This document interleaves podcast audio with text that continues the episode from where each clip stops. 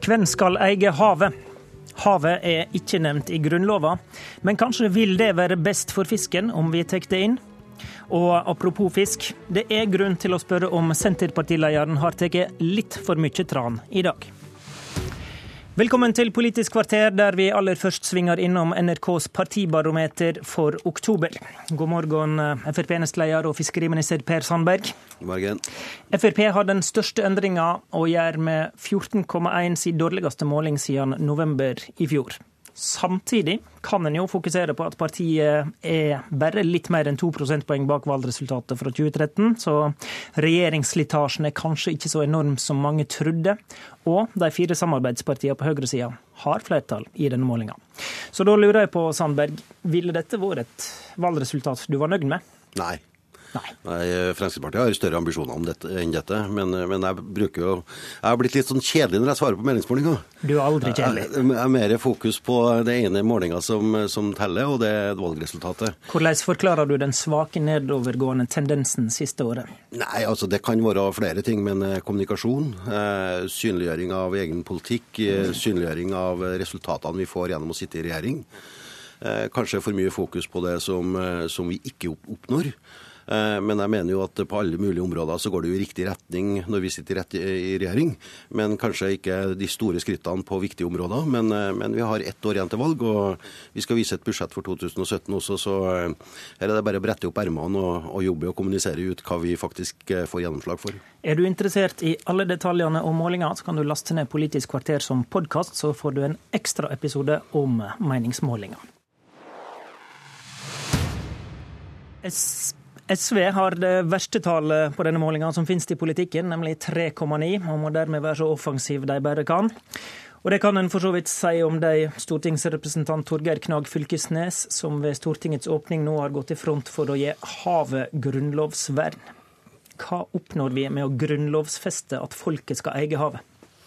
Ja, det er to ting. Eh, for det, det, vi ser nå, det er en ganske sånn dramatisk utvikling eh, i fiskeripolitikken. Eh, der fiskeri, eh, fiskerettigheter og tillatelser samles på stadig færre hender. Eh, og det, blir, det er en liten gruppe, rundt en tyvetalls eh, aktører, som nå kontrollerer over halvparten av fiskerettighetene i Norge.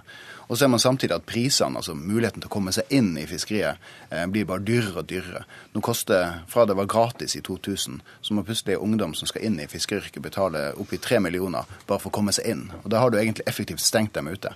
Sånn at, uh, uten at, uten at vi egentlig har vært en sånn større samfunnsdebatt om dette, her, så er vi i ferd med å stenge havet uh, for uh, kystsamfunn og for ungdom. Og så har man rigga og da spesielt med Per Sandberg som, som, fiskeriminister, men også en utvikling som går over tid, eh, som, eh, som, er i ferd med å rigge hele eh, havet for en liten gruppe mennesker, en, en, lite. Ok, Det var problembeskrivelsen som jeg tipper Sandberg ikke er helt enig i, men, mm. men hva mener du da at en oppnår med å grunnlovfeste dette for å, for å forandre den konkrete politikken som du har skissert nå? Ja, Da trenger vi rett og slett å løfte verdier som har vært med oss i tusen år. Det at havet er en allmenning som ikke kan privatiseres, og at havets ressurser skal komme kystsamfunnene til gode. Rett og slett løfte dette her opp i, i, i Grunnloven. Og det, det, er de to hovedprinsippene som har styrt norsk fiskeripolitikk i tusen år. Men det har ikke vært i Grunnloven før. Men nå ser vi behovet for å få det faktisk inn. Ok, Du mener det vil forhindre privatisering? Ja, Det vil, det vil lage kjøreregler, rett og slett. Et, Eh, for, for, både fiskeriminister, for storting, men også for forvaltning. Så det, det, vil, det, vil, knesette et prinsipp som eh, vi har egentlig hatt lenge, men som nå vi virkelig trenger å få inn i Grunnloven. Per Sandberg, fiskeriminister. Det ligger nå flere grunnlovsforslag i Stortinget om å gi havet grunnlovsvern. Mm. Jubler en fiskeriminister over det? Ja, så skal, Jeg har nå ikke studert begge disse forslagene. men, men det er jo Tre, faktisk. Ja, det er litt forskjell på dem. Men det er klart at det er jo litt interessant å høre på Fylkesnes. for det, det første som slår meg da, at kua har glemt at det var, var kalv. For at det Fylkesnes nå ønsker å grunnlovfeste, altså det er grunnlovfeste motstand mot den politikken som de gjennomførte gjennom 80 år når de satt i regjering. Det er jo interessant i seg sjøl. Men så mener jeg at i havressursloven paragraf 2 så ligger jo denne retten Eh, altså at eh, dette er fellesskapets ressurser, og, og, og, det ligger til staten. Og ligger til folket. Og det er også presisert i havressursloven at dette skal komme kystbefolkninga til gode. Ja, Kan en like gjerne gjøre det i Grunnlova, da? Ja, men det kan man gjerne gjøre. Det, det er ikke noe problem. Det, altså, grunnlovsfeste er jo ikke problemet. Utfordringa er den politiske utforminga og praksis av politikk. Og Gjennom 80 år så har eh, Arbeiderpartiet og SV da gjennomført en politikk. Nå har jeg en rekke store saker på mitt, eh, mitt bord. Det vet også Fylkesnes. Eh, og da får vi den store debatten. Bl.a. Eidisen-utvalget med kvoteutvalget, dette pliktkommisjonen. Alt dette kommer jo nå. Og Stortinget har jo også bedt meg lage forskjellige strategier som jeg driver og jobber med nå. Så i 2017 så får vi en kontinuerlig stor debatt om norsk fiskeripolitikk, så det kommer. Men så er det sånn han vil begrense privatiseringa av havet gjennom sitt forslag. Vil du ja. være med på det, selv om han kritiserer at jo, det er du som driver med dette? Men først må vi jo få en forståelse for hva er privatisering. Eh, ikke sant? Og hvordan privatiserer man? Altså Jeg ser at SV ønsker nå altså at du skal eie havet. Eh, og da må jeg si at eh, å ha privatrettslig eiendomsrett til den enkelte fisk som svømmer i havet, enten den er på norsk sone eller internasjonal sone, det ser jeg som en utfordring, selvfølgelig. Okay, la men, samtidig, men, så, men, så, men så ser jeg at denne retten Altså hvor dette eh, tilhører, det ligger jo havressursloven i dag. Fylkesnes. Ja, det er jo det som, altså Jeg er veldig enig med fiskeriministeren at det er jo praksis her som har vært problemet. Og det er en slags sånn eh, gordisk knute, eller en uløselig knute vi har fått, der eh, forvaltninga og departement osv. hele tida utfordrer disse her fundamentale prinsippene, spesielt i løpet av de siste 30 årene. Og da er er nok jeg en av de første til å, til å, skamme meg over det også det rød-grønne regjeringa gjorde på dette feltet. Du skammer deg over det? Ja, vet du hva, jeg syns det har vært en tragedie å se hvordan eh, den politikken, eh, liberalisering, eh, har faktisk ført til at kystsamfunn sitter med, med, lua i hånda og ser at det er fantastisk fiske, fiske rett utenfor vinduet, men så blir de effektivt gjennom systemet holdt utafor. Og så har da fiskeriministeren kommet på, på, Vi skal ta det med Arbeiderpartiet. Som og så har dere... utviklingen eksplodert. Og det er, jo der, der vår kamp er. Det er for kystfolket. Hvis, dette skal vi ta med Arbeiderpartiet, som dere regjerte sammen med. Det er den regjeringa som åpner for den privatiseringa og liberaliseringa som Fylkesnes vil stoppe gjennom sitt grunnlovsforslag. Hva sier du til det, Ingrid Heggø, fiskeripolitisk talsperson? Jeg vil aller først si det at jeg er helt enig med SV i at vi bør gi grunnlovsvern til det som går på rettighetene til fisken vår. Det bør gå inn i Grunnlova. Så der er vi 100 enige, og der står vi helt samla om. Men du følger den ikke helt til mål, skjønner jeg? Jeg, jeg følger ikke den helt i historiebeskrivelsen. Eh, og, og derfor så har vi òg eh, laga et kompromissforslag som vi fremja i Stortinget, som går på dette med rettighetene til fisken. Og det er, det, det er helt riktig eh, som blir sagt her, at det står i havressurslova, men vi ønsker å gi det det spesielle vernet som Grunnlova gir. Men det sentrale omgrepet i SVs forslag er at ressursene skal komme kystsamfunnene til gode og gi sysselsetting og bosetting. Det, det, det, står, ikke, det står i havressursloven i dag. Og, og, dette vil en ha inn i Grunnloven, men det vil ikke Arbeiderpartiet. Hvorfor vi, ikke? Vi vil reindyrke det som går på rettighetene til fisken, og ha inn i Grunnlova eh, og gi det et ekstra vern. Så, så, enkelt eh, er det. For alt kan ikke inn i Grunnlova.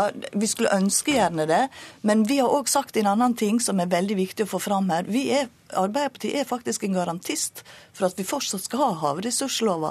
Den kom under den rød-grønne regjeringen, og den skal bestå. Jeg, jeg syns det er også litt beklagelig, for Fylkesnes skylder altså på forvaltninga embetsverk og departement. Det er politikerne som bestemmer dette, Fylkesnes. Det, det burde vært. Ja, det, men det er det. Det er politikerne som står ansvarlig. Og Så syns jeg det er litt trist, for det man ser nå, det er en rivende utvikling langs kysten vår. Det er en enorm optimisme der ute. Eh, jeg har stående invitasjoner langs hele kysten for å åpne fiskemottak og fiskebrygger og industri langs hele kysten. Og så er det altså sånn at det er politikken fram til nå som har ført til fraflytting og nedleggelse av lokalsamfunn langs kysten. Så har jeg satt meg mål da, om å snu dette, og det er i ferd med å snu. Og når det gjelder ungdom og tilgang til fiske, så er det altså sånn at jeg har lagt på plass rekrutteringskvoter og viderefører dette og legger til rette på beste måte for å få ungdom inn i, inn i fiskeriyrket. Men det kan ikke være sånn, vet du. Også de ungdommene som skal inn i fiskeri, må gå noen skritt før man eh, kommer og blir reder innenfor, innenfor fiskeri. Dere har helt forskjellig historieskriving, men ærlig talt, Fylkesnes, hvis du mener problemet er eh, fraflytting f.eks. langs kysten, du kan vel ikke grunnlovfeste deg bort fra det? Det er en del av det. Altså, Vi må forandre spillereglene her. Det er det som, det som Sandberg her sier. Eh, han har sørga for at uh, ungdom nå effektivt stenges ut av fisket. Det er takken vi har fått uh, fra han. Det er hans politikk. Og så Når det gjelder Arbeiderpartiet, som her sletter kysten fra, fra vårt grunnlovsforslag, det er det de i realiteten har gjort, det er for oss helt uforståelig. Det hjelper ikke ungdom å komme ut. Det hjelper ikke kystsamfunnet å komme inn. Det eneste det gjør, det er at det skjermer denne lille gruppen mennesker som nå sitter på stadig større rettigheter langs kysten. Og det er jo det vi, vi er skuffa over Arbeiderpartiet, og jeg kjenner mange gode Arbeiderpartifolk rundt omkring langs kysten som, som, som er helt enig med oss i denne saken. Ingrid Heggø fra Ap til slutt. Fellesskapet skal tilhøre det norske folk, og det er det vi ønsker å grunnlovfeste i det forslaget vi har. Så det er helt riktig det som blir sagt her, at fra regjeringens side så har vi fått forslag på evigvarende kvote. Vi har forslag om å samle veldig mange kvoter på ei hånd. Det er vi imot. Nei, takk til Ingrid Heggø. Takk til deg også, Per Sandberg, og takk til Torgeir Knagg Fylkesnes.